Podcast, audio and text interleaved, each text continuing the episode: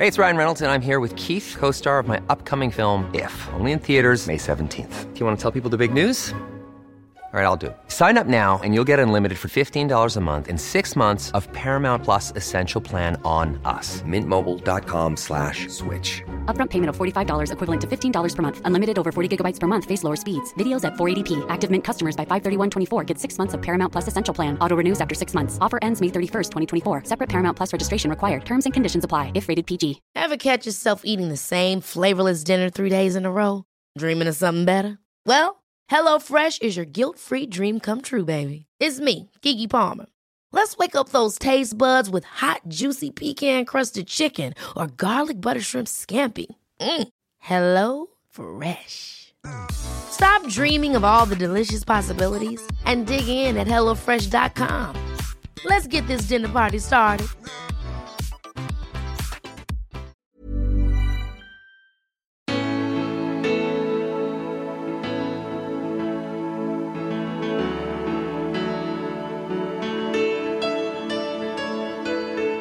Allt på de bilarna jag själv har liksom gjort och så tänker jag så här, nej men den, fun den funkar inte på den modellen, det måste jag säga, den får vi ta bort. Från det att tänka att, jag vet jag låg och tittade på barnen när de hoppade studsmatta och kunde knappt röra mig. Så tänkte jag, tänk att få bli barn igen. Vi klarar oss kanske på lite mindre pengar än vad vi tror. Speciellt om vi lever på en plats där det inte går lika mycket pengar. Och speciellt när man inte är stressad hela tiden, för det är då man gör av med mest pengar, tänker jag. I det här avsnittet så börjar vi i något så världsligt som färg på bilar. Varför de oftast är vita, gråmetallic eller svarta. Och varför det finns så få gula bilar. Men låt dig inte luras av inledningen. Resten av avsnittet det handlar om livet. Om att ge och ta i ett äktenskap. Om att byta spår. Och om att acceptera att bli blöt om att det finns tre basala saker att ha koll på. Äter du? Sover du? Rör du på dig? Vi pratar också om hur man klarar att bo i en stuga utan varken vatten eller el med en nyfödd dotter och med en man som suttit på en stubbe i fyra år. Som hellre stack ut och sprang än att bry sig om familjen. Men som slutligen checkade in i verkligheten vilket resulterade i en gemensam bok om hur man sover ute. Frida Torgeby, välkommen till podden Spännande möte. Tack så jättemycket. Du, vi sitter ju här, eh, nu är det ju högsommar. Eh, ish. Ish. Eh, kanske inte vädermässigt. Nej. Vi har storm utanför här på, sitter här i, hemma hos dig på Öckerö, ja. lägenheten här. Mm. Ja. Hur har semestern varit? Men bra tycker jag. Den ja. har varit, vi, om man ser semestern lite som barnens sommarlov och inte bara i om man har jobbat eller inte så tycker jag det har varit totalen toppen bra. Sen ja. har vi haft lite klent med väder uppe i Jämtland. Men, ja, det, det gäller väl hela landet? Men då eller? kan man också måla dörrar och spaljer och ja. bygga hus. Vad, vad kännetecknar en bra semester? Vila. Vila? Ja. Huvudvila tänker jag. Att göra något annat. Potta jorden, bada med barnen. Inte, inte svara på mail tror jag. Nej en bra semester. Det nog för de flesta va? Ja, det måste vara så. Det måste vara det vi vill släppa, slippa undan på något vis. Och bara... Nej, men jag tänker att man måste ha en period i alla fall under sommaren eller vilken semester den är. Så man tänker att man vaknar och tänker vad gör vi idag? Mm. Det, men det är, är bra. bra. Mm. Det är bra måttstock. Eller hur? Ja, för det är så himla lätt att man bara motar in så mycket i liksom. Man bara trycker in i de här veckorna allt det där man ska hinna göra. Eh, och det brukar inte funka så bra för någon. Men du åkte lite bil va? Det är vi nog kanske väldigt typ jättebra på och sämst på för det är väldigt jobbigt att åka bil. Men vi åker ganska mycket bil. Det blir ju så eftersom vi har en plats här i Västsverige som är hemma på ett sätt och sen så har vi Jämtland som är vårt riktiga hemma nu där vi bor och liksom lever. Och det är väldigt långt däremellan. Och det blir mycket bil. Men det, det där med bil gillar ju du för du är Jag har läst mig till Advanced Specialist Designer. Mm -hmm. Utav material och färg för bilar. Ja. Så att när du, när du är ute och åker bilen då så sitter, sitter du då liksom och kollar vilken färg oh, det här Helt var, arbetsskadad. Är det, är det Framförallt så? på de bilarna jag själv har liksom gjort och så tänker jag så här, nej men den, fun den funkar inte på den modellen, det måste jag säga, det får vi ta bort. så kan det vara. Så kan det vara. Alltså så tänker jag ibland så här, nej men den där har dratt iväg mot den nog dratt iväg lite, undrar hur det går i den fabriken. jag tycker att den har blivit för brun eller något. Det kallar jag liksom... Det, men du kanske ser skillnad på det? Ja, ja, jag är nog en nörd när det gäller färg just. Jag tror att man kan ha nästan som ett absolut gehör i olika saker. Ja, men eh, många vet man ju har det i musik.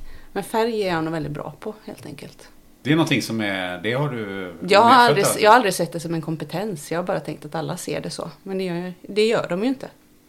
Och en del är ju totalt färgblinda såklart. Ja, jo men det är Men sen är det både- ju inte världens viktigaste grej heller. Men det är ändå roligt. Ja, men du, eh, alltså jag tänker på bilar. Mm. Vad, är, vad är en bra bilfärg? Det beror på hur man ser det. Antingen så ska man se det som att, att det är en bra färg för att den säljer väldigt mycket. Sådana färger får man göra. Mm. Den har en hög take rate, den vet jag, den kommer sälja. Ehm, Vet du det redan innan? Ja, det tror jag. Eh, Eh, men sen tycker jag kanske att en bra färg uttrycker den modellen som den går på. Eh, och sen ska den helst bygga form. Så att man ser det som den som har konstruerat formen då, som är, som är designer för, för formen på bilen, vill ju väldigt gärna att man liksom uttrycker den lite extra. Vilket är ett problem ibland. För att vissa sådana här kulörer som är lite mer produktiga, lite mer moderna, kanske inte är de som bygger form mest. Och då blir det ibland en liten konflikt där. Men, men jag som då är, i jämförelse då är färgblind. Mm. Eh, jag ser ju liksom bara varför är bilar ehm, ja, men i grunden då, de är svarta, de är vita Mm. och så är de lite silvergrå utav olika varianter. Mm. Och blå lite grann så. Det är väl ungefär de färgerna Men som du har finns. ungefär rätt. Om man börjar titta på såna här kartor för årets då, take rate så har vitt till exempel legat högst i, ja vet inte katten om det inte är, det måste ju över tio år nu i alla fall. Varför är det så? Ingen aning. Och jag fattar inte att det stannar så länge. Det trodde man aldrig. På 90-talet var det ingen som ville ha en vit bil. Det var ju lite så här, men vad tänkte du med typ? Men jag tänker att idag så är det ju, det är ju vitt och grått och svart och de här klassiska. Blått som du säger och sen kommer det väl lite rött och sen sådär. Men det är ju också för att folk tänker ekonomiskt. Man tänker på sitt andrahandsvärde på bilen och sådana grejer. Mm. Så det är det det handlar om. Att, att, man liksom, att det inte sticker ut för mycket för då blir det färre som kan köpa bilar. Så är det. Och då tror jag att det är lite så att jag tycker man ser att när det är väldigt mycket högkonjunktur så kan det vara så att man ser lite mer kulörta bilar och lågkonjunktur lite mindre kulörta och sådär. Men eh, för mina barn när de var små så, så hade de någon lek. Där Gul de, bil. Gul bil. Ja, just det. jag kan tänka mig det, det gör mina barn. ja, varför, är det, varför finns det så lite Ja, gula bilar? ja, det är så ruggigt svårt. Dels är det ju rent tekniskt svårt att göra en gul som går till exempel om man vill ha en metallicfärg. Som många vill ha. Man vill ha en metallic. Och ska du göra en gul metallic, då, då drar den väldigt gärna åt grönt till exempel. Eller lite sådär. För att den har dålig täckförmåga, det gula pigmentet. Mm. Så då blir det bara de solida gula som funkar. För de, då spelar det inte så stor roll. Eh, men, men också är det ju en extrem färg. Folk är ju rädda för gult. Även i heminredning eller vad som helst. Eller kläder. Det är en sån här färg som folk är rädd för. Ja, jag, jag ska erkänna det. Jag har inte speciellt mycket gula kläder heller. Nej, Nej. jag gillar ju gult. Ja. Men eh, det är ju så. Jag tycker färg ska ju vara kul också. Alltså, jag tänker i ett hem till exempel så är det ju skönt att ha väldigt, väldigt nedtonade färger totalt. Liksom på väggar och skåp och vad katter man har. Och sen att man har till exempel textilier i färg för då kan du ju byta dem lite snabbare. Det är också en li, kanske lite mer hållbarhetstänk än att måla köksluckorna knallröda om man gillar rött. Köpa något annat rött. Bra tips. Eh, Kuddar eller Ja. något. Eh, men mm, du sa metallic. Alla bilar är metallic nu för tiden. Nej, Nästan Det alla. finns också solida, det finns nästan alltid som insteg. Vita finns ganska, det säljer nog ganska mycket vita solida fortfarande. Solid svart säljer också en hel del. Men förr var det ju mer att man inte kunde göra riktigt på samma sätt, de här metallikerna. Och då fanns det ju många fina solider. Mm. Om man tittar i, när jag jobbade på Volvo Cars så var jag inne i ehm, liksom lite gamla skåp och tittade igenom alltså gamla bilfärger. Och då var det så otroligt fina kartor och så fin range av solider som man har haft. Så jag gillar jättemycket. Nej, katten, jag tycker man kunde våga lite mer på sånt. Ja. Det är väl inte gravallvarligt, tänker Nej, jag. Ja, men ja, om du är liksom, vad katten, du jobbar som diplomat, då kanske du ska ha en diplomatblå bil. Men jag menar annars så, inte så himla gravallvarligt menar jag. Men jag tänker på det, du sa det här med att du äh, har sån här absolut äh, färgseende. Eller Mm. vad, vad, vad du kallar det för. Men är det, är det då att när du ser någonting som inte stämmer, blir det så att det skär sig i dig så du riktigt mår illa? eller, är det, eller hur är det? Ja, det kan ju vara så när man åker genom Sverige och tittar på hur en del målar sina hus. Så kan jag ju bli så här, men hur tänkte de? För det är ju också det här, den här kunskapen om att ta en liten yta med färg och sen så se hur det ser ut när du ska få upp det i skala. Det är ju inte alla som har det helt enkelt. Så tipset är väl att kolla in ett hus man gillar. Fråga de som bor där vad de har för färg. För att annars så tror jag att om du ska gå till färgaffären och lista ut det själv så blir det nästan alltid fel.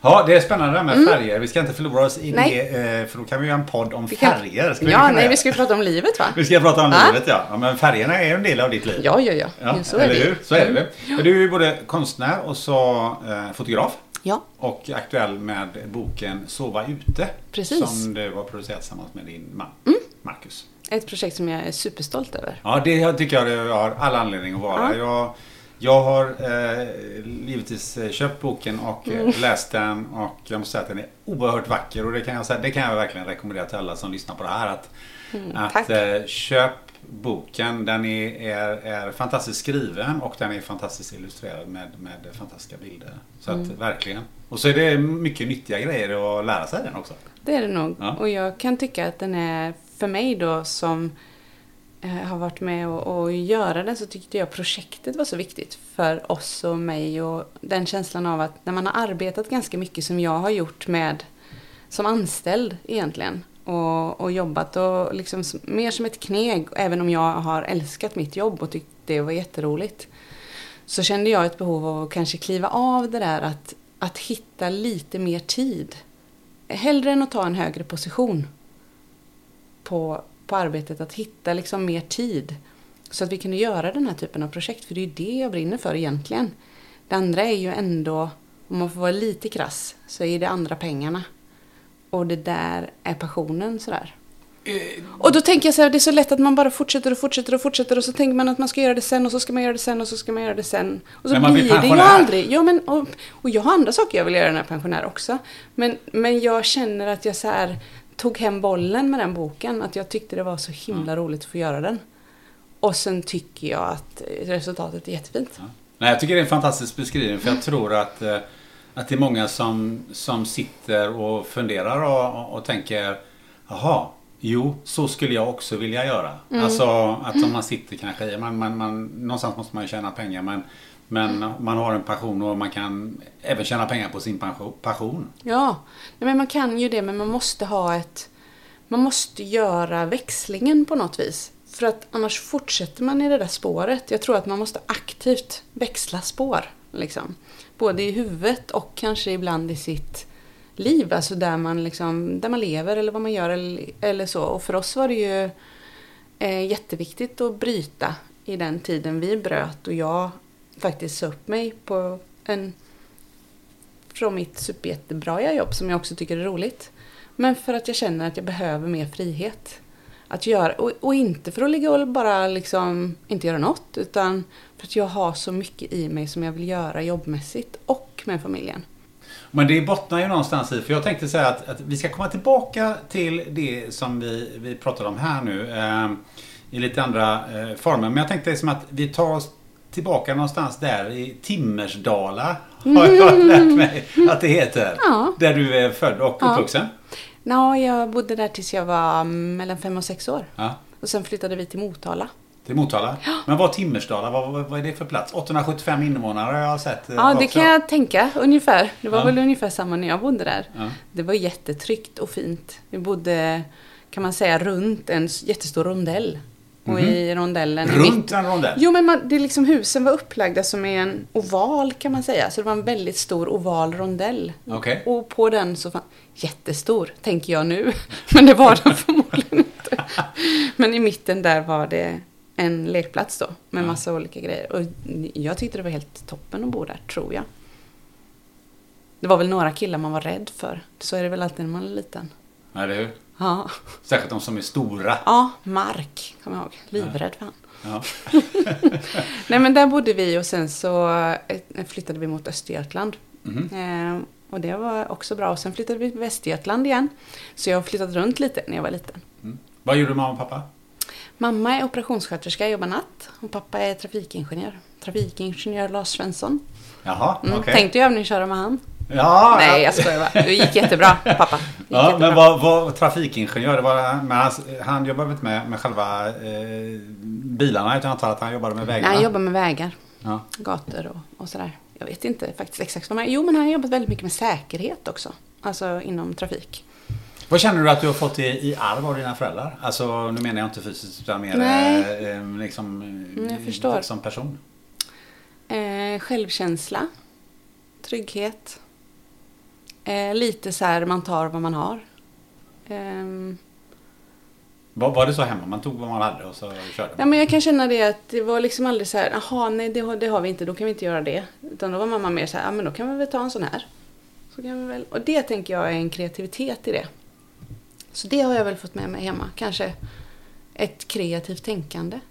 Även om mamma och pappa inte tydligt är kreativa i yrket sådär så tror jag att de är också barn av sin tid. Då blev man inte, då fick man ju faktiskt verkligen säga till att man ville bli konstnär om man skulle bli det.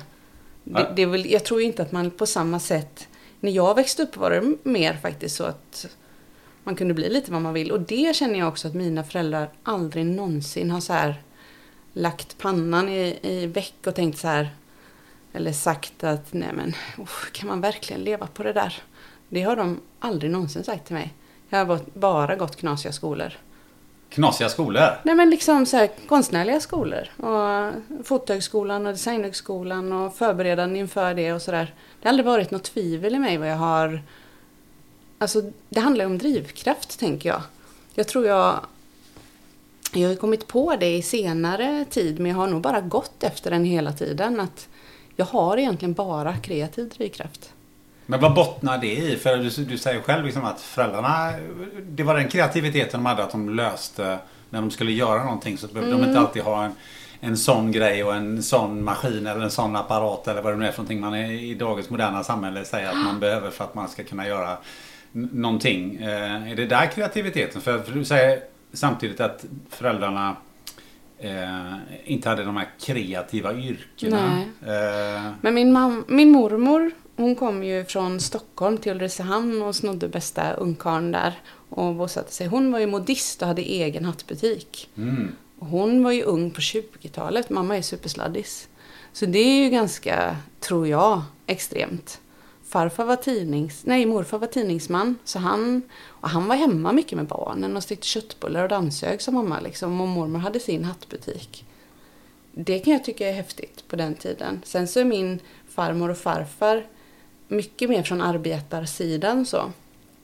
Ehm, men farfar är finsnickare och farmor är ju superkreativ egentligen. Men jag menar den tiden, hon ville ju plugga och allt möjligt. Men det fanns ju inget utrymme för det. Hon har en... Min, jag tror att alla i min släkt egentligen är väldigt kreativa. Men det är nog ingen annan som riktigt har valt det som yrkesväg kanske. Men man kan... Men vad definierar egentligen kreativitet? Alltså ett, jag, upp, jag, jag, ett öppet sinne tänker jag. Ja, ett jag- öppet huvud. För jag diskuterade detta en gång med, med, med en, en kille som är jurist. Mhm. Han sa så här, det är det mest okreativa yrket du kan tänka dig. Men jag tänker så här att måste vara fruktansvärt kreativt att kunna vrida runt saker och ting så du ska skapa ett avtal som ger bästa möjliga förutsättning för den. Ja, jag tänker det Alltså- är ju hur man ser på det. Men jag ser ju inte det som att, att man är kreativ om man bara målar. Säger Marcus, min man, han säger att han aldrig tänkt på sig som en kreativ människa. Och jag tycker han är superkreativ. Så att jag... jag och, och just att komma tillbaka till det med drivkraften, vad som driver en. Ehm, för att säga att jag... Hade jag haft ekonomisk drivkraft, då, då hade det ju varit att tjäna pengar. Då hade vi ju inte gjort Sova ute-boken så som vi gjorde den.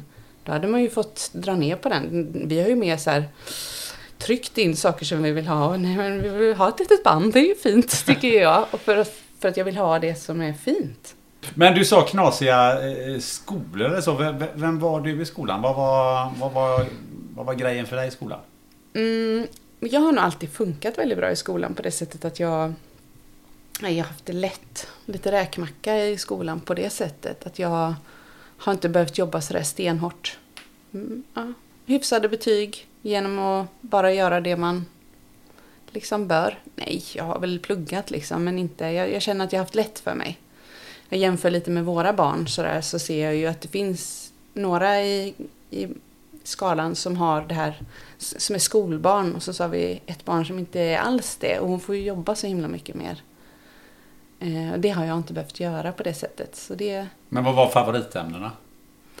Men jag tror det var, det var ju svenska och bild och sen så gick ju jag media på gymnasiet för då var det första året det fanns någonting som hette media. Mm. Och då var det ju fotografi och bild och alla de bitarna som jag tyckte var roligt.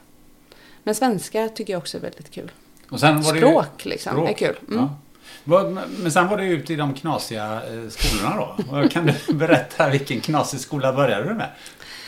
Ehm, jag började ju med Mullsjö folkhögskola. Ehm, där eh, läste jag fotografi på det sättet som man läser fotografi om man läser det på ett kreativt sätt om man säger. För, för innan det så var ju jag, jobbade jag som pressfotograf ganska mycket på somrarna och så. Ehm, så jag hade mycket fotografi. Vi började ju med det på gymnasiet, tyckte nog att det var det roligaste ämnet. Så sen så ganska snabbt började jag jobba helger och kvällar på Skövde Nyheter. Ehm, och då, för då bodde vi i ett samhälle som heter Tibro. Och så gick jag på gymnasieskola i Skövde. Och där fanns Skövde Nyheter då. Och sen fortsatte ju det, liksom att jag tog sommarjobb på Jönköpingsposten och Hallandsposten och sådär. Men första gången jag pluggade fotografi, om man säger då, så var det på Mullsjö folkhögskola. Mm. Och sen var det någon och sen var, det, sen, sen var jag någon avstickare i, i Karlstad universitet och läste kulturvetenskap. Jag tänkte jag skulle bli arkeolog tror jag. Men det, det var nog mest för att jag inte kom in på Fotohögskolan. Mm. och sen så kom jag in på Fotohögskolan och så tyckte jag det var lite sådär, tror jag. Varför det? Jag tyckte det var väldigt, för mig var det väldigt eh, konceptuellt och lite som att det skulle vara mycket som, det skulle vara rått och fult helst. Mm, hård blixt och inte så vackert. Och jag tror att jag tycker att fotografi också kan vara vackert. Jag tycker det är det är okej okay att säga bara att det är fint. Det måste inte vara extremt djupa tankar bakom det alltid. Sen är det inte det att jag inte kan tänka de djupa tankarna och liksom göra ett sånt arbete. Men det var lite för, ibland kan jag tycka att i kreativa kretsar så låser man sig och skapar liksom, man skapar små klickar där allting ska vara alternativrätt. För, för att det ska vara så himla fritt. Men det är ju inte det. Utan det är precis en grej som gäller precis just nu. Och är man inte i det, då är man inte i klicken. Vilket jag aldrig är i klicken. så då blir det som en låsning tycker jag. Alltså jag tycker det blir ofritt. Men sen så började jag på... Men är det lite som, som så här, någon sorts... I, I det sammanhanget någon sorts politisk korrekthet? Ja, jag tycker att det är det. Något sånt. Och jag tror inte att folk går och tänker det. Men, men jag ser det på det sättet. Och är du i den klicken då kanske du inte ser det alls så. Då är det bara fritt och härligt och sådär. Men att jag, för mig upplever jag det så. Mm. Och då tyckte jag att det var lättare att gå på Designhögskolan där det var tydligt att man hade, ja men det var väldigt tydliga uppgifter och hellre då bryta mot dem snarare än, och allt är så fritt för det blir som att jag inte, ja, jag tror jag, på något sätt gillar jag uppgifter ändå liksom. Och så göra det mest kreativa inom de ramarna. Tror jag. Men är det spännande att bryta ramarna också? Jo, men det är det ju. Och, och, och, finns det inga ramar så är det inte lika spännande. Det är så som det är med barnen också, tänker jag. Det är som det är med allt. Lite ramar måste vi ju ha så att man kan eh, liksom mäta sig mot det. Och sen gick du på HDK, sa du? Mm. Sen gick jag på HDK i Göteborg då, Designhögskolan. Mm. Det var ju toppen, tyckte jag, för mig. Passade mig väldigt bra. Och sen så när jag gick ut där, då kom vårt första barn efter en månad ungefär.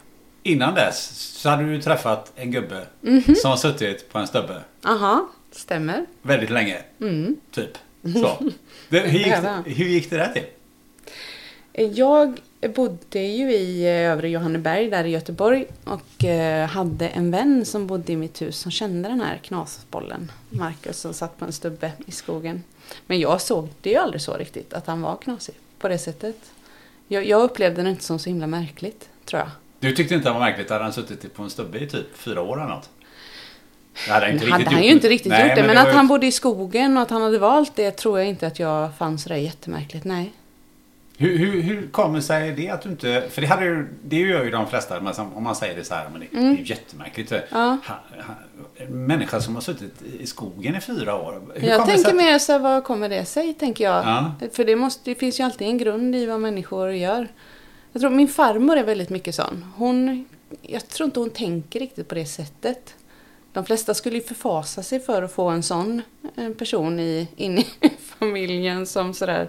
Men hon har alltid varit mer så här, åh han har så spännande tankar och, och det är så spännande med Marcus och berätta mera, typ. Så jag tror jag, tror jag har det i mig på något vis. Var det Någon du typ av fick? öppenhet. En öppenhet som du, som du fick med dig hemifrån helt enkelt. Jag tror det. Hur, eh, men, men eh, jag ju som har, har pratat med Marcus, eh, han, han fick ju någon sorts order av sin morfar att skaffa ett fruntimmer och så låter vi henne bestämma.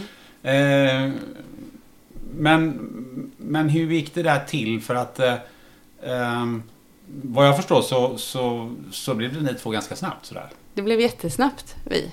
Och så var det ju lite så att jag tänker ju mer att om han bor där i skogen och jag bor här i Göteborg, går på Designhögskolan och han är där. Och så, så tänker han så här, ja ja men jag- kände att det, det är ingen idé att flumma runt. Antingen bestämmer vi oss för att vi satsar eller så skiter vi i det. För jag har ingen lust att sitta och vänta sådär. Så då sa väl jag det att eh, antingen eller. Och då sa han ja, ja, men vi kör då. Typ. Och sen så... Men det kände du direkt sådär att ja, men det, så det är ju inte sådär vanligt att man säger direkt heller första eller andra gången man träffas. Jag kände väl vad han var för sort lite. Ja. Ja. Var han din sort? Han var min sort, men han var tvungen att kanske... Alltså, det, en sån som Marcus är ju väldigt lustdriven. Så. så antingen är du dedikerad eller så är du det inte. Och är du inte dedikerad, då är det ingen idé. Och så har det varit med allt med honom. Alltså han är ju väldigt luststyrd. Och du är också rätt luststyrd har. Jo, det är jag nog. Fast jag har ju också... Jag kan nog... På vissa grejer är han extremt bra på att härda i. Men på andra grejer är jag väldigt mycket bättre på att härda i. Alltså, det var ju en ganska tuff period när vi skaffade barn i början där. Att liksom få ett fungerande familjeliv med Marcus. Då hade ju han vuxit upp i eh, en familj där mamman blev sjuk ganska tidigt. Och man hade fått ta hand om sin mamma väldigt mycket, syskonen. Ehm, och sen så fick ju han en väldig... Jag, idag skulle man nog kanske säga att han var utbränd när han flyttade ut i skogen. Han kände väl bara en... en det var nog bara en överlevnad. Han behövde komma bort och ut och vara i sitt eget huvud. Ehm, och då om du gör det efter att du kanske egentligen precis har blivit vuxen och så, så lever du för dig själv i fyra, fem år. Väldigt enkla medel. Och sen kastas du in i att vara familjefar och make. Det är ju eh, svårt, tror jag. Nej, det och det var oerhört svårt. Det var väldigt svårt. För det var ju inte någon eh, villa direkt som ni Nej, nej. bodde i. Nej, vi bodde ju väldigt enkelt i Jämtland och det, egentligen har jag inga problem med enkelt heller. Jag älskade att bo i vårt sommarställe. Det fanns det aldrig liksom rinnande vatten och de bitarna så. Eh, Och det tyckte jag väldigt mycket om. Men det handlar ju om att man måste vara väldigt överens om nivån på enkelhet och att man får arbeta på då. Kan du beskriva den enkelheten som, som ni levde i? Vi hade ju en, en liten stuga på, vad kan ha varit? 27 kvadrat kanske, där vi bodde utan el och vatten i Jämtland. Eh, och där är det ju kallt på vintern liksom så, men det, det hade jag nog egentligen inga problem med. Men vi levde ju också väldigt enkelt ekonomiskt så att jag hade ju ingen möjlighet egentligen att åka ner till min mamma och pappa och så. Och det var svårt. När man får sitt första barn är man ju också, det är ju ovant att ha en liten ett litet liv som du ansvarar för. För Marcus gick ju mest ut och sprang liksom. Då är det ju inga problem. Men, men jag kunde ju inte ta med mig henne överallt och bara ge mig iväg. Så det blev en, eh, en låsning tror jag. Tyckte jag. Eh, det blev ett, eh, det blev ett ojämlikt förhållande. Blev det. Nej, men, eh, jag tänker på om, om många som, som lyssnar på det här. Liksom, så att, ja, men, inget rinnande vatten, ingen el. Och en, och en Det bebis. reder, det reder sig om man är överens, tänker jag. Men hur, hur reder sig? Men du, liksom, du behöver ju... Ja, men, dusch hade ni ju inte. Och Vi liksom, duschar ute, värmde vatten. Det är sig ganska härligt. Det har vi gjort, gör vi mycket nu ändå. Man värmer vatten och står och duschar ute. Hade vi bastu och sådär. Så, så egentligen, ja men det tror jag, och det kan jag förstå att människor tänker att, att enkelheten i sig är ett problem, men det är det inte för mig. Men man måste vara överens, som sagt. Och det måste vara att man arbetar mot samma mål. Och Så det har- gör vi nu. Men då gjorde vi inte det. Alltså man, om, man, om man hör det här och så, så, så tänker man ju... Ja, men, eh, fanns, fanns det inte folk som reagerar på det där och sa att men så där kan man väl inte bo? Är det inte lite... Man, jag tänker på hur uppfattningen är som är... eh, Ja, men kom inte socialen då och, och, och, och kolla till det sådär. Så där får man väl inte bo? Är det inte det som... Det, det skulle kunna vara en normal reaktion från, från Ja. många som lyssnar. Men jag tänker också att om man kommer till en familj där man ser att det finns mycket kärlek till eh, barnet och det är varmt och gott och man inte... Det, våra barn har ju aldrig fått stå tillbaka på det sättet. De har alltid fått det de har behövt. Eh, Det som har hänt är ju att jag har fått trampa över mig själv lite för att ge dem det. Hur orkar du med det? Det tror jag att man gör bara. Du var bara, kände du dig som att du bara var tvungen att göra det här? Eller var kärleken starkare än, än det här? Eller vad var det som fick det att hålla ihop? Alltså, jag tror jag är fruktansvärt enveten. Och jag hade ju själv valt det. Alltså, jag har ju valt Marcus och jag har ju valt att liksom gå med på detta. Däremot så har det ju tagit lite tid att, att arbeta igenom vissa grejer och få kanske Marcus att förstå att... Och idag så kan han ju säga att han skäms över den tiden. Och jag tycker också att det är... I backspegeln är det otroligt fint att kunna göra en sån resa med någon. Att kunna hitta, att hitta varandra igen. Efter att det har varit dåligt. Och då har det ju egentligen inte varit så att han har upplevt det så dåligt. men, eh, men jag har det. Men så, jag kan också känna så här. Jag har fått allt jag har behövt. Jag har inte ens behövt be om det när jag var liten. Så jag har nog lite känt att jag har mer att ge. Men det är en dålig kombo att vara en som är utgivande och en som tar. Då får man lära sig att justera det lite. Ja, Det måste ju äta på en. Ja, men man måste säga också. Det handlar om att jag inte har aldrig haft några problem att säga ifrån. Sen har det tagit tid att göra förändringen. Men, eh, Hade du någon fundering om att nu skiter jag i det här? men det är det som är så märkligt. Det är så många stunder jag tänker jag borde ha gjort det, men jag tänker inte att jag gjorde det så mycket. Men jag tror också att när man får små barn och man liksom är i det, då är man så, man är så fokuserad på att ge dem det de behöver. Att det var, ja. Jag tror att sen när vi flyttade ner till Göteborg och jag fick tjänst på Volvo Cars på design där. Att då, då hade jag fått nog. Och då tog jag hem bollen, tjäna in de stora pengarna och sen kunde man göra vad man ville lite grann.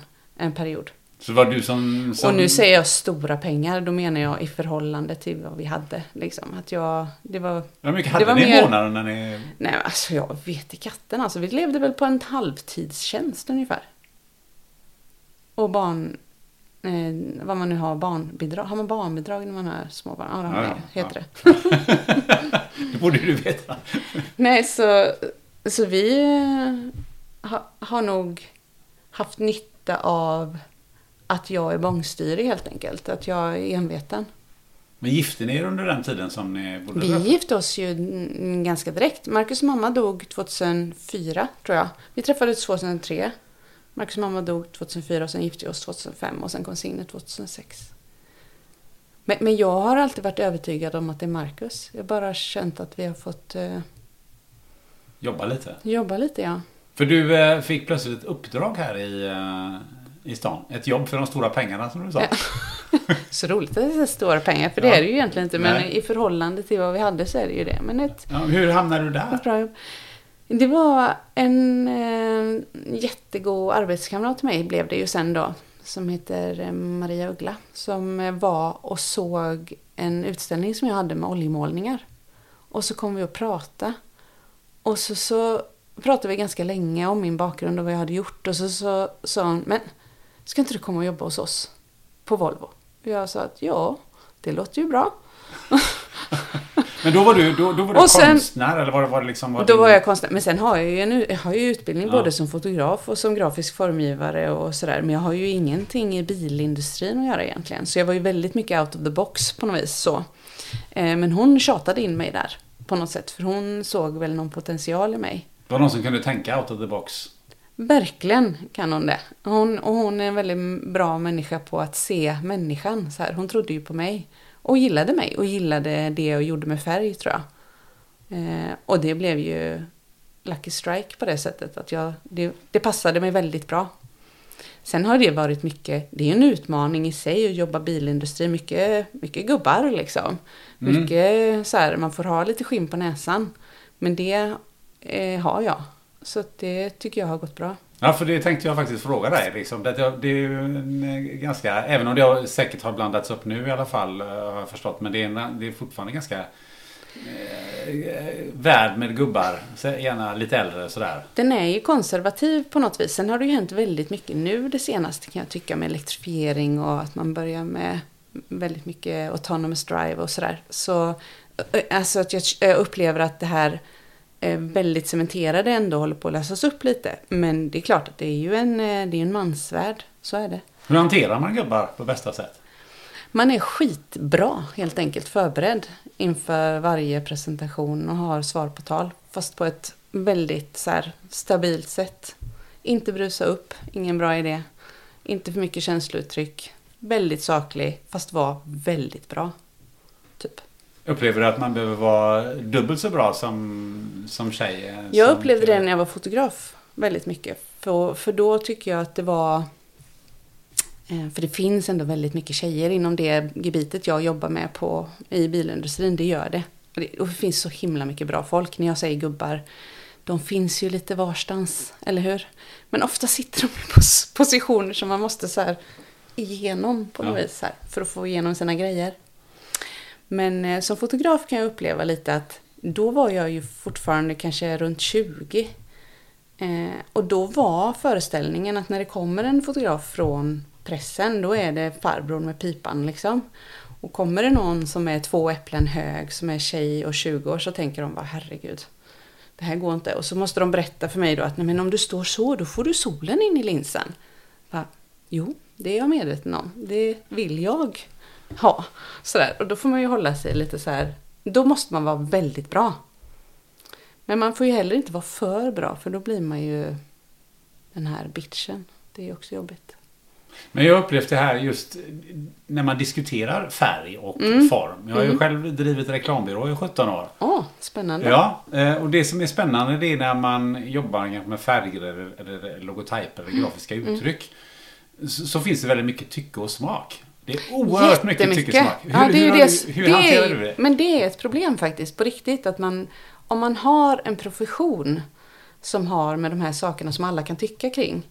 Eh, då, då måste man vara väldigt eh, bra på att uttrycka liksom att mm, om någon säger till exempel, ja men min fru skulle säga att det där var en silver. Då känner jag att, då måste jag säga att det är ju också någonting som vi får se på ur ett professionellt perspektiv. Att den här är framtagen för det här och det här och det finns en anledning till att den ser ut så. Eh, och just den synpunkten, vad någons fru kanske hade tyckt om den färgen, det får vi lämna utanför det här. Det kan vi ta sen. Alltså det blir som en, vad behövs färgen till? Och den ska vara det. Och den ska fylla det hålet i den produkten. Och det ska vara till det och det ska fun- funka i en sån release eller så. Att man försöker plocka fram det som man faktiskt har som fakta kring. För det är det som är svårt med någonting som är kreativt överhuvudtaget, tänker jag. Kreativa yrken kan alla alltid tycka något om. Och jag tror att många tänker att det där kan jag göra själv. Ja, för det är, väl, det är väl bara att ta fram lite färger ur datorn, eller hur? Typ. Ja, det är ju inte riktigt så. S- Så, Nej, men det är det är nog så man känner, Ja, precis. Det som Jag tror många tänker så, ja. Eh, Men eh, jag- jag tänker hela tiden försöka hålla sig lugn och saklig och berätta om processen, tror jag. Så här, det, här är, det här är planen för detta. Så. Går det inte prestige i sånt där också? Det gör det nog. Den får man försöka lämna borta. Tror jag. Att inte vara den som går igång på sånt. eh, sådana här kommentarer som man... Men, men det är klart, vissa dagar kan man ju knyta näven i fickan lite. Så. Ja, har du fått vika ner dig ibland då, bara för att någon har... eh, Nej, men jag kan känna så här, när du har en arbetsuppgift som du ska göra, om, speciellt om du är specialist. Det finns ju en som gör min grej. Då tänker jag att jag måste ta ansvaret och göra det som den specialisten ska göra. Och då är det ibland kanske är man lite obekväm. Men man har ju också alltid någon som faktiskt är ens chef. Och då får man ju säga så här, ja, jag håller inte riktigt med dig, men det är du som bestämmer. Så om du väljer att gå på det här och det här, så gör vi så. Det jag skulle rekommendera däremot är att vi tänker på det här sättet. Så kan man göra, tänker jag. Du har en hel del att lära ut tror jag. När det gäller det där det erfarenhet. Jag tror att det, det är många. Eh, det är väldigt lätt man, man låser sig eller, eller, eller bränner broar. Eller just det här med att ja, men, min fru. Ja, det kan man ju gå igång på. Och säga. Ja, nej men, och det, det låter ju så fjantigt när jag säger det, men ibland kan det bli sådär att just när du säger att alla kan tycka om det, så blir det väldigt mycket med färg. Men jag har ju väldigt mycket på fötterna oftast. När jag, om jag presenterar någonting, för det är väldigt långsamma ledtider i bilindustrin om du ska ta fram en färg. Det är ju från liksom, beslut ut till gatan, det är ju flera år liksom. Så att eh, man får man får bara försöka komma tillbaka till eh, processerna och faktan. Just Men- eftersom det är så oerhört kreativt, färg. Så, så får man liksom försöka spalta ner det liksom i någon lite, typ, lite mer Excel-arksformat när man ska presentera det för vissa. Men eh, nu jobbar du inte kvar på Volvo? Nej, Nej, varför det inte. Därför att när vi eh, flyttade så fick jag en period av sex månader där jag fick jobba på distans och så resa ner en gång i Ja, månaden. ni flyttar tillbaka till Norrland? Vi flyttade till Jämtland. Vi hade redan bestämt oss för att göra det. Eh, För det fanns så mycket som hade hänt i vårt liv och jag hade varit väldigt sjuk och jag kände att jag behöver ha en... Jag behöver växla av nu.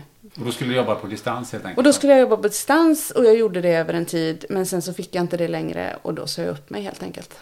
Då, det var eh, långt innan den tiden som vi är i nu då. När eh, de flesta jobbar på distans. Precis! Men nu jobbar jag ju på distans och gör samma för ett annat bilföretag. Så jag gör det upplägget. Jag är, eh, bor i Jämtland, jobbar hemifrån tre veckor. Eh, nere och jobbar effektivt i Göteborg en vecka och sen åker jag upp igen. Och vilket bilföretag är det som har tagit emot eh, och varit så moderna? Det var, det var faktiskt inte så att jag hade tänkt så här, men nu lägger jag bilindustrin på, på hyllan. Det var inte alls något plan, men då blev jag kontaktad av en tjej som jag har jobbat med tidigare på Volvo Cars, som nu jobbar på Lincoln Co. Som också har Lotus då. Så jag jobbar för Lincoln Co och, och under en period så jobbade jag även för Lotus då. Ehm, och då gör jag det upplägget och det fungerar väldigt bra. Och jag tror att nu när så många har provat det här med att jobba på distans så ser man att vissa arbetsuppgifter är mer effektiva hemifrån. Vissa är det inte. Så jag tror att om vi kan lära oss att pinpointa vilka arbetsuppgifter som vi gör bäst hemma. Eh, då kanske man kan, det kanske blir en och en halv dag, det kanske blir två dagar i veckan. Och sen så får man kanske en lugnare och mer frisk arbetsstyrka. Jag tror man ska anamma det lite. Vi måste inte sitta och hålla i bänken. Det är väldigt brittiskt, tänker jag. Mm. Släpp sargen ska man kunna Ja, säga. men släpp sargen lite. För att om du tänker att du är... Det beror säkert väldigt mycket på vad du har för arbetsuppgift. Men för mig är det väldigt tydligt vad jag ska göra. Och jag mår inte bra av att inte leverera det. Och de skulle ju säga ifrån om inte jag levererade det. Så jag tycker det är enkelt. Leveranser, att man fokuserar på leveranserna, ser vad som behöver göras och så gör man det. Låter rimligt. Ah, jag tycker det. I dagens samhälle borde vi ha varit där för ett tag sedan, tänker jag. Du, du nämnde i för, förbifarten här att, att ehm, det fanns en anledning till att du flyttat upp till Norrland också. Att, att eh, du hade blivit sjuk. Mm. Eh, vad, vad, vad är det för någonting? Vad vill du berätta det? Nej, men jag har ju varit sjuk egentligen sen ehm, jag var nästan 20 ungefär. Så har jag en reumatisk sjukdom som heter psoriasis artrit. Och det är alltid så spännande att vara hon reumatiken. Så jag pratar väl inte så jättemycket om det. Men eh, det är ju eh, jobbigt att ha ont i kroppen helt enkelt. Det tar på krafterna. Eh, och sen hade jag gjort ganska massiva kirurgiska ingrepp i mitt ansikte för att jag har inga käkleder kvar. Så hade man, sågar man av hela, eh, om du tänker hälften av ansiktet från örat till under näsan.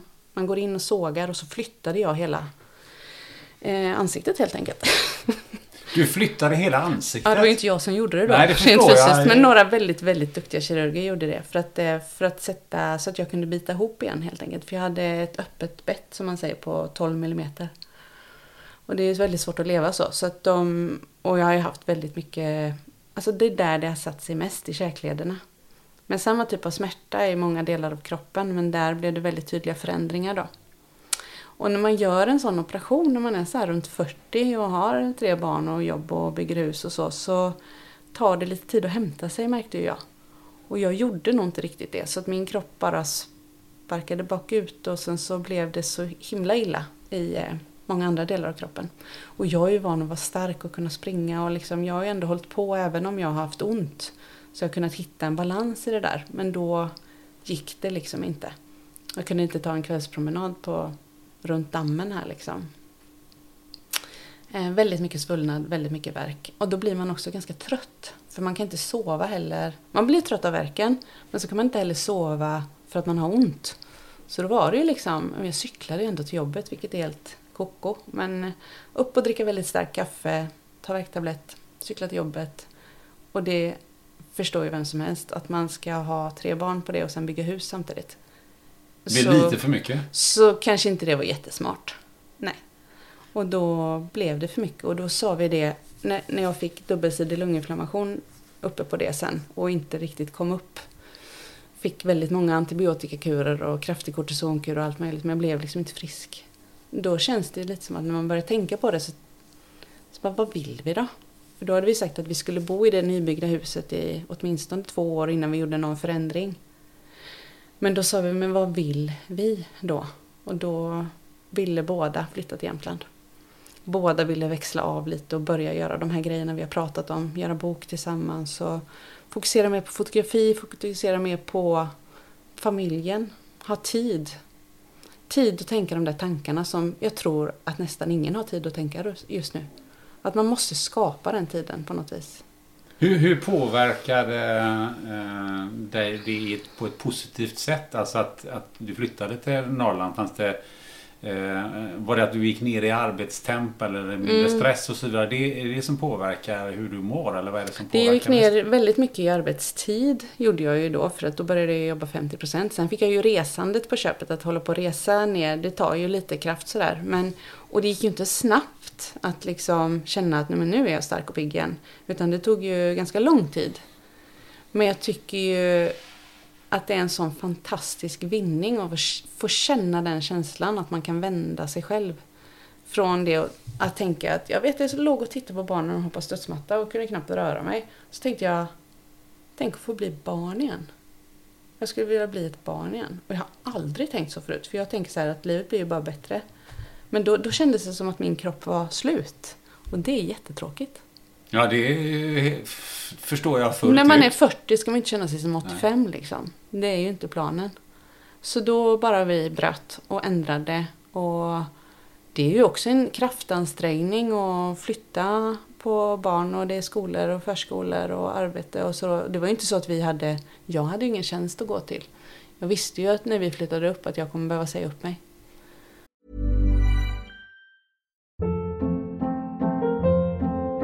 Hold up. What was that? Boring. No flavor. That was as bad as those leftovers you ate all week. Kiki Palmer here, and it's time to say hello to something fresh and guilt-free. Hello Fresh. Jazz up dinner with pecan-crusted chicken or garlic butter shrimp scampi. Now that's music to my mouth. Hello Fresh. Let's get this dinner party started. Discover all the delicious possibilities at hellofresh.com. Hey, it's Ryan Reynolds, and I'm here with Keith, co star of my upcoming film, If, only in theaters, May 17th. Do you want to tell people the big news? All right, I'll do it. Sign up now and you'll get unlimited for $15 a month in six months of Paramount Plus Essential Plan on us. Mintmobile.com slash switch. Upfront payment of $45 equivalent to $15 per month. Unlimited over 40 gigabytes per month. Face lower speeds. Videos at 480p. Active Mint customers by 531.24 get six months of Paramount Plus Essential Plan. Auto renews after six months. Offer ends May 31st, 2024. Separate Paramount Plus registration required. Terms and conditions apply if rated PG. Planning for your next trip? Elevate your travel style with Quince. Quince has all the jet setting essentials you'll want for your next getaway, like European linen premium luggage options, buttery soft Italian leather bags, and so much more. And is all priced at 50 to 80% less than similar brands. Plus, Quince only works with factories that use safe and ethical manufacturing practices. Pack your bags with high-quality essentials you'll be wearing for vacations to come with Quince. Go to quince.com slash pack for free shipping and 365-day returns. Och då sa många så här, men ta tjänstledigt istället för katten, du kanske ångrar dig. Men jag kände, den, jag kände det så starkt att jag ville säga upp mig. Att jag ville bryta. Men vad var det enskilt som gjorde att du, att du mår bättre idag? Är det där att, att ha den här friheten? Alltså att jag tänker eh, på eh, att man eh, eh, mår psykiskt bättre så mår man fysiskt bättre också. Har du sett den starka... Eh, det tycker jag absolut. Men jag tror också att man måste ge... Har man, har man gått så långt ner i någonting. För mig var det väldigt fysiskt. Att jag hade gått ner mig väldigt fysiskt. Men det kan nog lika gärna vara mentalt. Det spelar nog ingen roll. Men att ge sig tid att läka. Och jag tror att det tar tid. Och man tror att man ska så här quickfixa sig själv på fyra semesterveckor eller att man ska, ja men då åker jag på det här och så, så lugnar jag ner mig lite så blir det bättre och så. Det kommer aldrig hända. Åker till spa över helgen, på spa ja, över helgen. och visst det kan ha sin funktion och att man kan liksom, men det är bara plåster på köttsåret liksom. Jag tror att man måste eh, välja nytt. Välja om och ge sig själv tid. Och det det är klart att alla sitter ju inte i den situationen att man bara kan göra det. Men jag tror att vi kanske låser oss mer än vad vi tänker. För vi klarar oss kanske på lite mindre pengar än vad vi tror. Speciellt om vi lever på en plats där det inte går lika mycket pengar. Och speciellt när man inte är stressad hela tiden, för det är då man gör av med mest pengar, tänker jag. Så lite tror jag att det hänger ihop med tiden. Det hänger ihop med friheten och det hänger ihop med en minskad mängd intryck. För jag är så oerhört... Har så svårt att stänga ute ljud och ljus och intryck och så. Ja, då måste ju skogen vara det är perfekt. läkande. Ja, men det är jättebra. Vi bor ju toppen liksom. Det är det. Och nu går vi ut och springer varje morgon tillsammans. Och jag orkar hänga på liksom. Och sova ute? Det gör vi också. Det är, det är välgörande. Jag tror att det där jag har sagt det någon gång att när man sover ute när det är kallt framför allt. Då kan det bli så att man går in i sån otroligt djup sömn att det blir som att när man vaknar och tar första andetaget så gör det nästan ont i bröstet för att man har varit i sånt viloläge. Sådär. Och sen så blir man ju så varm. Det är lite som det här som har blivit så stort med att kallbada. Mm. Det är lite samma sak med att sova ute. För sen blir du en kamin resten av dagen. Då är du liksom så igång. Det, det, kan jag verkligen rekommendera. Du behöver inte gå ut på någon jättelång hike och ta med alla ungar och packa massa väskor och trangerkök och allt möjligt. Utan det är ju bara, du kan göra det nära, ute. Vi har en bastu som vi sover i ganska frekvent. Som bara är ouppvärmd liksom. Det blir ju som att sova ute. Eh, jag tänkte på det, du nämnde att eh, Marcus hade ju en mamma som, som hade MS mm. och, och, gick bort väldigt tidigt. Mm.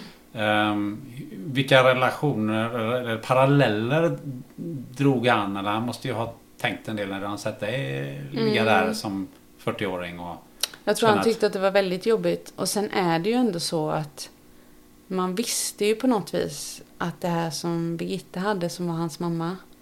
Det var ju så oåterkalleligt. För på den tiden hade man ju inga bromsmediciner egentligen mot MS som fungerade på det sättet. Och hennes sort var väldigt aggressiv. Så man kan ju aldrig jämföra hennes lidande med mitt för hon var ju så... Jag, jag kan, jag kan inte föreställa mig det. Jag tänker, tänk att sitta med då fyra små fantastiska ungar och så bara din kropp börjar koppla ner och du känner att det här går inte. Och hon var ju också jättekreativ.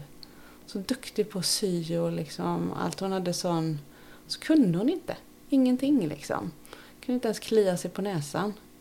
Så det, jag har ju aldrig varit sjuk på det sättet att man känt att... Men, men det som händer när man bryts ner av, av, av att ha ont. Det här är så tråkigt att prata om på ett sätt. Men smärta är jobbigt.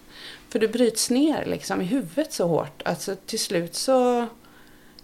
Om du är trött hela tiden och har ont hela tiden. Det gör ont att hämta ner kaffeburken. Det gör ont att ta på sig strumporna. Det gör ont att ta på sig säkerhetsbältet. Det gör ont att göra allt. Och du kan inte springa efter ditt barn om den springer ner till vattnet. Du kan liksom inte Ingenting i kroppen liksom går... Allt det som du inte tänker på att du gör känns. Det, det blir nedbrytande i huvudet på något vis sådär. Så jag kände väl mer att jag hade som ett filter, att jag var som en... Eh, jag har lite svårt att komma ihåg tiden med barnen under den tiden. Sådär. Det är lite borta. För man gör bara det man absolut måste. Så. Det är ganska mycket på en dag om man har liksom ett, ett vanligt liv om man säger. Det är mycket man måste. Ja men det och, och säkert i, i, vi pratar 2020. Alltså Ja. det är väldigt många, många eh, måsten. Ehm, och det, är- det är väldigt många människor som, som går omkring med smärta. Ja. Av, av olika Av orsaker. olika sorts smärta och av olika orsaker, ja. Vad skulle du säga är, är på något sätt någon, någon sorts grund... Kan du ge något grundtips? På, alltså, även om det, det finns väldigt många olika typer av smärta. Men, Mm. men jag tänker på... Finns det någonting som du tycker som är eh, något lite gemensamt som du känner? Eh, Jag tänker att man ska respektera den smärtan. Respektera att den har en påverkan på dig. För för mig var det mycket så att jag låtsades inte om det. Och tänkte att det försvinner då på något vis. Men det funkar väldigt sällan. Sen kan man ju inte låta det definiera sig. För då blir det inte heller bra. Men att på något vis ta det på allvar. Att vara...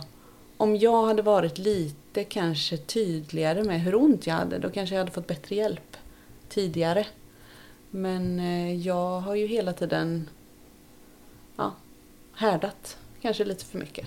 Så, så det är väl ett tips. Ta det på allvar, men inte låta det definiera sig. Och att eh, hitta, hitta vila.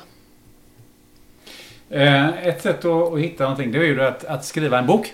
Mm. Ja, sova ute. Ehm, hur, ehm, kan, kan du berätta om den här boken? Den, för mig är ju den mitt och Marcus eh, projekt på något vis. Sådär. Mm, Och att det är en, eh, en bok som mm, gentemot andra, så som den är tänkt till andra, är att den ska inspirera andra människor att komma sig ut bara. Det är inte så noga med sovandet. Om du är livrädd för att sova i en skog så gör inte det. Liksom. Men att ta sig ut, de här vanliga grejerna som vi kanske gjorde lite mer lite längre tillbaka i tiden. Bara att ta sig ut i skogen och ta med sig en termos. Det kanske räcker för vissa. Liksom. Och sen så lite längre, lite mer kanske med tid så. Men att vara, vara mera ute. Och jag tror att det har hänt någonting nu under den här tiden med den krisen som vi på något vis har haft i Sverige. Så där att mer och mer människor hittar ut, verkar det som, i naturen. Och jag tror att det är en... Det blir som en självbevarelsedrift. Att vi ser att vi behöver det egentligen. Jag- tror att, jag läste någonstans att stresshormonet i kroppen går ner med ungefär 50 procent när du får liksom skog eller den typen av vy eller det här liksom och den luften. Och det är ju ganska mycket. Tänk Ja, vad ju- mycket stress vi går omkring med. Det tror jag är den största vinningen med att ta sig ut. Jag tror att det är nedstressande. Om du då inte är livrädd för att det är något. Alltså, så då, men då får man ju liksom ta sig i, i små portioner och liksom får det bli lite KBT då. En del är väldigt rädd för skogen. Det är ju lite synd kan jag tycka. Lite tror jag format av all så populärkultur som är att, man, att skräckfilmer alltid ska utspela sig i någon mörk skog eller sådär. Det tycker jag är lite synd. Men vad, är det det vanligaste som du hör om? Ja, jag, jag vill inte gå ut i skogen. Jag tror många är rädd faktiskt. För skogen. För- Speciellt sovandet då, att när det blir mörkt i skogen. Och det, jag kan respektera det, jag förstår det. Så. Men man behöver ju inte börja så. Eh, Då kanske man ska, om man just vill göra sovandet, då kanske man ska lägga sig på altanen istället. Eller balkongen eller vad man har. Om man har något sånt. Och du är, vad jag förstår så, så är det du som har stått för fotandet. Så du vill vara bakom kameran och, Mm, ja, och definitivt. Marcus är på andra sidan. Ja, det är jättebra det. Men, men hur är det att göra ett sånt här projekt ihop? Med den Jag tyckte det var jätteroligt. Vi hade väldigt lite konflikt i det. Jag tycker inte vi har det när vi gör projekt. Utan det, det flyter ganska bra. Sen är det ganska mycket jobb. Och mycket, våra barn har ju fått liksom men, ta hand om minstingen en hel del och sådär. Men de har varit jätterediga. Och jag tänker att, att göra ett projekt tillsammans som bygger, alltså då för dem, deras mamma och pappa, att det jag tror att det är fint också att se att vi gör grejer ihop. Okej, de får kanske vakta lilla syster lite, lite mer, men eh, de ser också att vi är glada i det vi gör. De ser att det blir en produkt som man också kan hålla i. Som man ser och som människor kanske får någonting utav.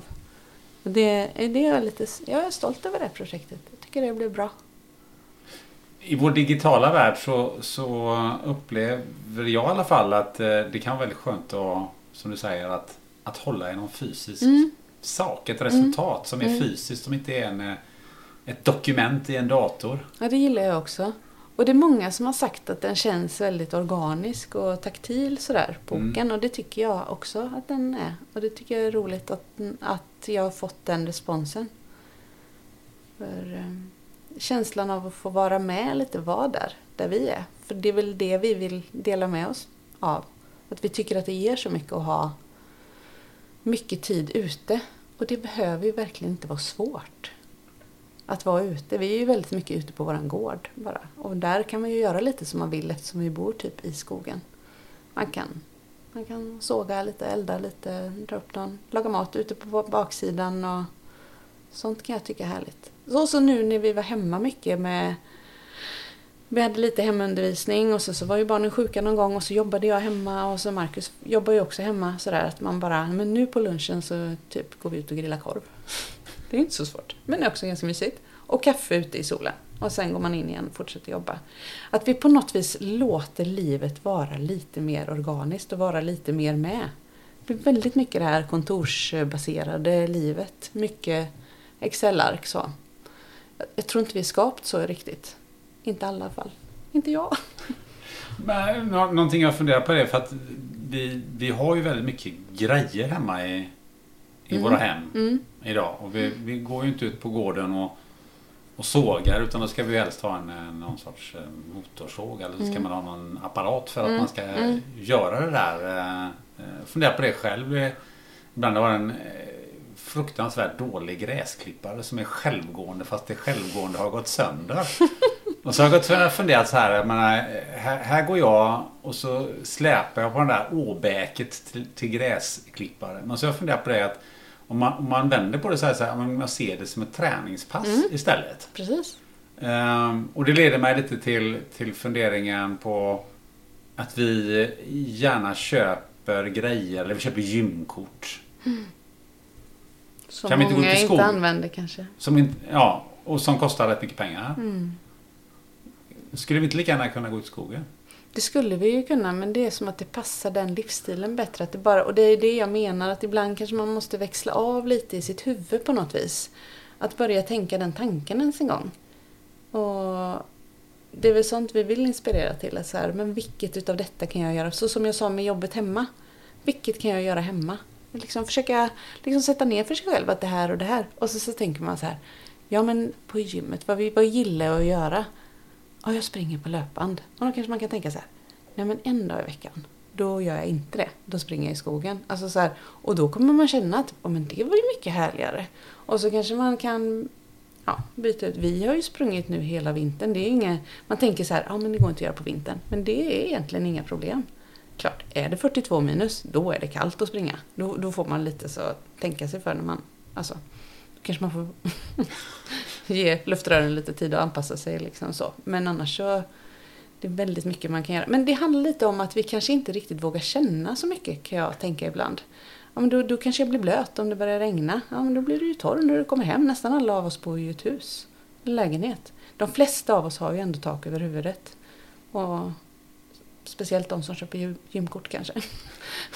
Du, du blir ju liksom torr när du kommer hem. Att man inte ska vara så rädd för att det får kännas lite. Varför är vi rädda för... för... Nej men jag vet inte. För att vi bygger bort mycket av det vanliga tänker jag. Alltså det vanliga enligt mig då att det, att det Ja men nu blåser det. Ja, då får man ju klä sig efter det och göra aktiviteter efter det. Och sen kommer det regna och sen kommer det vara sol.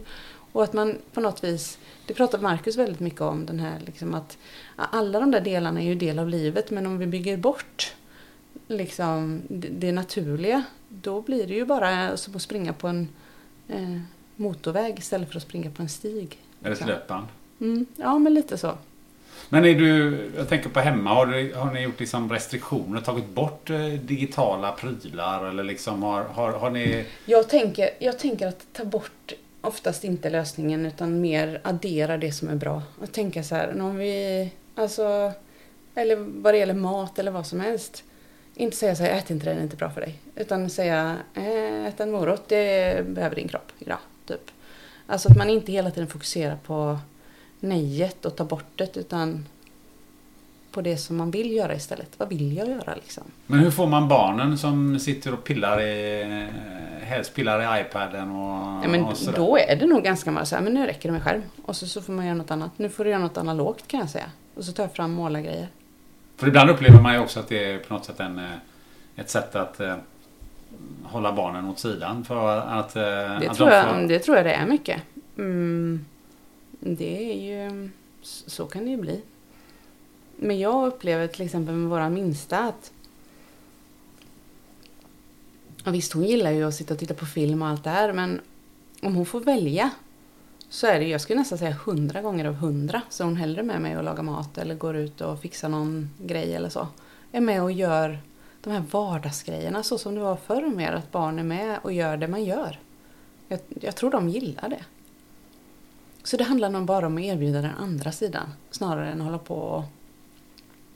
Ja, men, men det är klart att man måste bara säga nej, nu räcker det. Tillbaka till lite till, till... Eh, för om man lyssnar här så, så har ju du och Marcus gjort en, eh, tillsammans gjort en otrolig resa från att ni eh, bodde i det här eh, tj- 27 kvadratmeters eh, lilla eh, skjulet och kanske inte var så, så lyckliga, i alla fall inte du, när, när du liksom fick den ena parten fick, fick ta hand om barn och, och den andra parten kanske inte riktigt hade hittat... Checkat in i verkligheten. Checkat in i verkligheten så. Till att ni faktiskt har gjort en, ett sånt fantastiskt bokprojekt tillsammans. Mm. Det här är ju en, det är ju en resa och ni har ju eh, hållit på den här resan ganska, ganska länge. Ehm, så det jag funderar på är, vi, vi sitter här i slutet på juli och i augusti så brukar det vara jag tror det var någonstans augusti-september då eh, de flesta skilsmässorna sker Mm. efter man har haft eh, semester eh, Ja, vi kommer inte vara del av den statistiken Nej, i år i alla fall, det jag. jag. Ja. Det förstår jag ju. Mm. Men, men alla andra då? Alltså vad, vad, om du tänker tillbaka på den resan ni har gjort. Vad, vad skulle du säga har varit ehm, styrkan eller det som har gjort att, att ni har gjort den här resan? För den skulle ju kanske många fler kunna göra. Mm. Jag tänker att det handlar om, det låter ju oerhört banalt, men att lyssna lite grann sådär. Att man tänker att um, Marcus har um, i alla fall under en väldigt lång tid nu det senaste varit oerhört bra på att ta feedback. Jag kan säga ganska mycket, ganska hårt utan att han går och gömmer sig under en sten. Utan han möter oftast min respons med så här, ah, men vad ska vi göra då? Alltså att vi är lösningsorienterad tror jag man måste vara lite grann. Och så måste man vilja. Om man inte vill leva med varandra, då kommer man aldrig leva med varandra. Men om man vill det då, och är lösningsorienterad och har liksom... Och så lite det här med prestige som vi pratade om. Att försöka släppa lite på prestigen och att kunna ha roligt. Humor, eh, kunna ta feedback, lite mindre prestige och sen att jag tror att man får kompromissa ibland. Det är inte hela världen. Det får man väl göra på massa olika områden. Men det handlar om att kunna uttrycka, men det här är fruktansvärt viktigt för mig. Så då får du faktiskt tänka på det. Men om jag säger det om 2000 saker varje dag, då kommer det aldrig hända. Men om man är väldigt noga med att liksom lära känna sig själv och se vad det är jag behöver och kunna uttrycka det till den andra och att den andra lyssnar, då tror jag man klarar sig. Varför har vi så svårt att lyssna? Det är väl kanske lite samma sak igen, tiden. Att vi, inte, vi har liksom inte tid att lyssna på. Jag orkar inte höra vad du säger, jag orkar inte höra vad du vill. Jag orkar inte. Så tror jag det kan bli. Det är lättare att koppla på något annat eller... Att det, jag tror att det är lätt att börja leva väldigt liksom, separata liv. Att man går liksom bara... Man går typ bredvid varandra men man, man gör bara egna grejer. Sen måste man ha egna grejer också, så det är inte det. Men eh, jag kan ju känna att, vår, att träna tillsammans, det måste jag säga att jag gillar. För då, då hinner vi, då flödar ju blodet liksom. Då är man ju igång. Och då kan man ha samtal om saker som kanske är lättare att bli irriterad på när man är i ett låst rum. Så kan jag tänka. Ute, rörelse. Det tror jag på också. För, för då är det också en upplevelse tillsammans och någonting som man... Ja, det kan, ja, jag gillar det. Det passar oss. Projekt och att träna ihop. Det gillar jag. Vad är det som, vad är det som skapar spänning? Vad är det, alltså, spänning ur ett positivt, eh, positivt bemärkelse? Jag kan ju känna som att när man lever ihop en längre tid så hittar man ju, det här säger ju alla också, men man hittar ju nya sidor både hos sig själv och hos andra. Och är du då, det handlar ju också igen om öppenhet. Att inte vara sådär, ah, men jag tycker det har förändrats så mycket. så ja, vi har ju fått tre barn och byggt ett hus och jag har varit sjuk. Och det är klart att man förändras menar jag. Ibland så är det som att vi dömer varandra om vi förändras. Men det är ju det man ska göra tänker jag. Lite grann. Sen om, om någon liksom slår i huvudet och blir personlighetsförändrad, det går ju inte. Det är ju jättejobbigt såklart. Men jag menar bara den här naturliga förändringen som sker under ett liv. Och att vi också kan så här... För mig kan vissa grejer komma fram och tillbaka. Alltså, det kan komma upp grejer som hände när vi inte hade det så bra. Som kan göra mig jättearg nu också. Men om jag bara får berätta det då, så är det borta sen. Men jag tror att vi kanske går och gömmer lite grejer i skåpen sådär. Att man har, man har saker som man inte pratar om. Um, det är lätt att gömma i skåpen. Det är jättelätt. Men liksom... Ja, våga kanske lyfta lite på det där och ta fram lite av det. Sen kan man inte leva i det förgångna. Men på något vis är det ju... Mm, när vi sätter ord på saker, då, då, får de ju liksom ett eget liv. Då, då kan de ju också, har de ju också en möjlighet att försvinna, tänker jag. Men om man inte sätter ord på det, då tror jag de stannar. Men det, kan du känna att det är olikheterna mellan er som på något sätt har gjort att ni har blivit ett så bra team? Mm, kanske. Ja, vi är ju otroligt olika på vissa grejer men jag tror att vår värdegrund är extremt lik. Och hur vi ser på kanske arv och liksom det här, de som har gått före oss och de som har byggt oss, att det är viktigt. Och kanske det här att försöka vara genuin och försöka liksom eh, ja, men bevara sitt hjärta och göra det som är viktigt för en själv. De, de bitarna är vi väldigt lika på. Så, så där finns det väldigt sällan en motsättning. Men i personlighet är vi ju extremt olika. Jag kan ju bli så här, oh, det, som, det, känns som att det blåser ibland för det, det går så fort. Så, så, men då måste jag vara, för jag är egentligen ganska snabb i mig själv också, men Marcus är ju extremsnabb på vissa grejer. Så. Vad menar du med extremsnabb? Alltså, Ja, men det här huset som vi sitter i nu, det är typ 300 kvadrat. Det är lösvirkeshus. Det byggde han på 14 månader själv. Oj. Det, så blir det. Men då gör ju inte han något annat. Eh, jo, han tränade ju och sådär. Men alltså, det blir som att han har en förmåga att gå in väldigt mycket i grejer. Och det är ju en, en superkraft liksom. Och ibland är det en brist. För att man ser inte det andra runt omkring sig. Så det får ju han jobba med. Och jag får jobba med att inte se så mycket runt omkring mig hela tiden. Inte tänka på vad alla andra liksom känner och vill och att någon ska bli ledsen eller den inte ska få det den behöver eller sådär.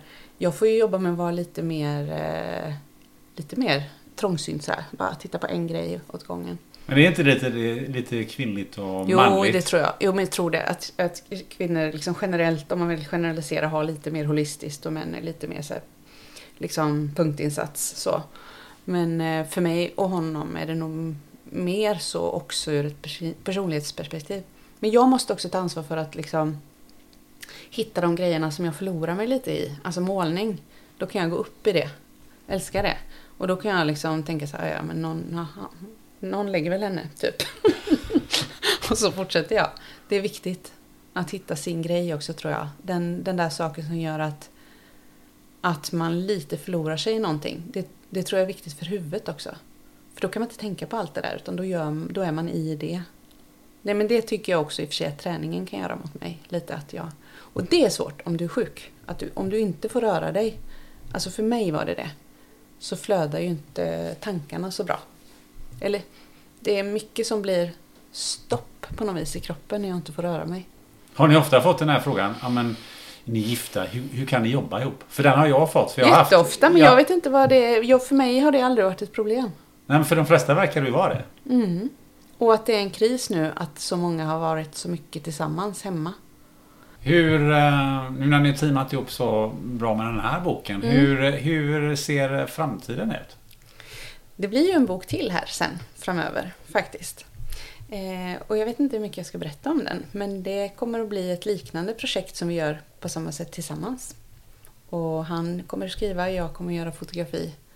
Eh, samma på något vis uttryck, mycket, mycket bild och ändå beskrivande både i väldigt liksom kanske konkret men också filosofiska tankar från Marcus. Ja, för det, du säger filosofiska tankar. För den här boken som jag har skrivit är ju faktiskt inte bara i hur man eh, knäcker eh, en granris och hur man eh, gör upp eld och, och alla de här grejerna. Nej. Utan det är också väldigt mycket kring det som vi har pratat om här nu. Livet. Livet. Mm. Ehm, jag tycker också att det är en, en ehm, vad ska jag kalla det för en, en hyllning eller en, en, en förklaring till allt det här som ni upplevde från, från början, de här första tuffa åren och, och nästan en, en vad ska man säga, inte ursäkt ska jag kanske säga, men, men ändå en förklaring till hur han var och hur, hur, hur du var. Som jag tycker blir en väldigt fin kombination tillsammans med det här att sova ute och Men det är ju en ganska ovanligt upplägg på en bok. Men det är ju som du säger en väldigt konkret liksom del där man berättar om att hur man gör upp en eld eller kokar en gröt eller så här. Och sen så är det en livshistoria i det. Eh, och det blir ju som en sån som du säger. Och, och jag tänker, vad bra. Tänk om någon kan bli hjälpt av det på något vis. Sådär. Att få höra våran historia. För jag har inga problem att prata om det. Jag tänker att alla har ju sina grejer. Och för oss var det detta. Och jag är ruggigt stolt över att vi är så bra tillsammans som vi är idag. För det är ju lite kombinationen av eh, det här basala Mm. som du var inne på eh, och som, som ni upplevde i, i början när ni bodde väldigt enkelt. Det är också väldigt enkelt. Man, hade, man gör upp eld. Mm. Det har ju människan gjort eh. Mm. väldigt länge i alla fall. Eh, och, och, och man fixar en bädd Mm. så man kan sova utan att man blir pissvåt. Eh, och utan att man blir kall. Mm. Alltså de här basala behoven. Ja men det är ju basbehoven. Äta, sova, röra sig, vara varm. Det är ju lite så. Ja. På något vis så tänker jag att det brukar Marcus ofta säga om det är någon som börjar liksom det börjar barka hän lite att man känner att en människa inte mår så bra. För så är det ju idag ibland. Och vi når ju en viss ålder där fler och fler blir sjuka eller man skiljer sig eller lite sådär. Det är så här, men har han ordning på basgrejerna? Säger Marcus då. Ja, Då är är det ju det. Äter du, sover du, liksom rör du dig. För att, för att på de allra flesta, nu låter det ju liksom banalt, för jag menar det är klart att vi har människor som har fastnat i psykisk ohälsa som är väldigt djup och där man måste medicinera och sådär. Men på väldigt många människor kanske man idag skulle kunna börja där liksom. Att äter du, sover du, rör dig. Om du, har, om du har koll på de grejerna men ändå mår väldigt dåligt. Då behöver man ju göra något annat, en annan insats. Men det är som att vi glömmer att vi måste sköta om oss själva. Kroppen, liksom, huvudet, att vara rädd om oss själva sådär. Men det är ju lite grann det som det, som det handlar om. Folk sover Ja. för lite. Ja. De, ä, de äter för dåligt och de rör sig inte.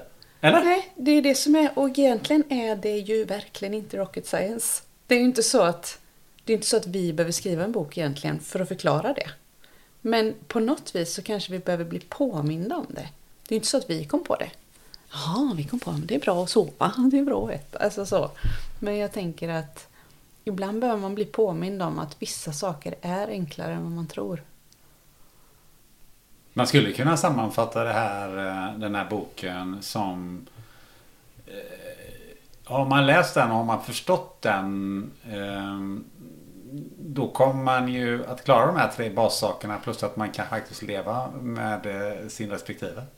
Man hoppas ju det.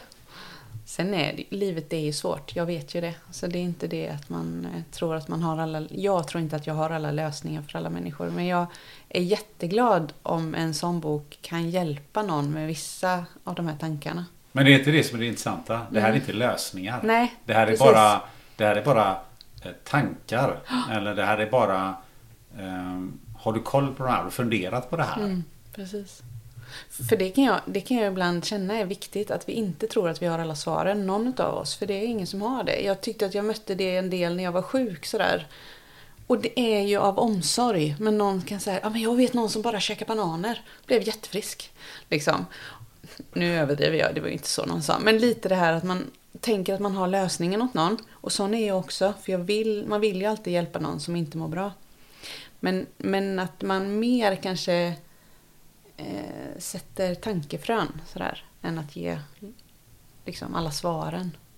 Back to basics skulle man kunna Ja. eh, Mm. eh, sammanfatta det här. Mm. Eh, det som ni har skapat. Ja. Och lite det som vi har pratat om egentligen hela tiden här. Mm. Eller hur? Och det är det som är livet, tänker jag. Ja. Att hitta en vardag som man trivs i, som man inte behöver åka iväg på långhelg direkt när man är trött. Utan att tänka att det, det är ju i vardagen vi lever. Sen ska man ju kunna ha fest och allt det liksom. Men att försöka hitta en bra vardag tror jag är en superbra lösning på rätt mycket. Och det tycker jag är en superbra avrundning på det här eh, eh, samtalet. Mm, Nu har vi suttit här i, eh, ja, det snart i, i alla fall eh, i nästan två timmar. Är det sant? Det Ja. var länge. Ja, det var länge. Det kändes inte så. Nej, vad roligt. Vad, eh, hur, vad är dina reflektioner efter vårt samtal så här? Nej men det är alltid spännande att prata om livet tycker jag. För det är där som faktiskt berör oss alla. Det där, vad är det att vara människa? Vad är det människor får kämpa med? Och att om man har tid och öppnar upp sig liksom mot andra så vet jag att alla har liksom både intressanta berättelser och sår och vissa lösningar. Det, jag tycker alltid att det är spännande. Om du skulle rekommendera någon som eh, jag borde intervjua i den här podden, vem skulle det vara? Annika Norlin skulle jag vilja höra. Och vem är det? Hon är sångerska och tycker jag poet och tänkare väldigt mycket. Hon, jag tycker hon är en råhäftig människa. Jag skulle vilja veta mer om henne. Var hittar man denna råhäftiga människa någonstans? Eh, norröver, det är jag ganska säker på. Men sen stad, det kan jag inte säga. Kanske Umeå. Kanske... Jo, men Umeå skulle jag chansa på. Ja. Tror hon är från Östersund från början. Vi får googla på det helt enkelt. Vi får googla. Ja. Du, om man vill följa dig eller, eller kontakta dig eller till och med se den konsten det du målar. Vad, hur gör man Alltså då? jag har ju inte sådär jättemånga olika forum i det där. Men jag använder mitt Instagram en del. Och då är det Frida Torgeby. Jag tror inte det finns så många där. Och Och där där, kan man har man både liksom fotografi och eh, en del oljemålning och så. Men hon behöver ju måla mer den här Frida, hinna det. Så det, det är min plan. så kanske det kan komma ut lite mer sånt på Insta. Frida Torgeby, fantastiskt att du vill ta dig tid så här mitt i semestern och prata med mig. Tack, det var väldigt trevligt. Hoppas du gillade det här lite mer lågmälda samtalet. Själv tycker jag att det var fantastiskt att få prata med Frida, en härligt jordnära person. I nästa avsnitt, ja, då blir det åka av. Då ska ni få träffa en av Sveriges absolut största entreprenörer, Per Holknekt. Till dess, ja du vet vid det här laget vad du ska göra. Sätta dig i soffan med en vän, luta dig tillbaka och um, fundera lite. Ta något gott att dricka. Vem vet, kanske du där och då kläcker en idé som förändrar ditt liv. Ha det gött!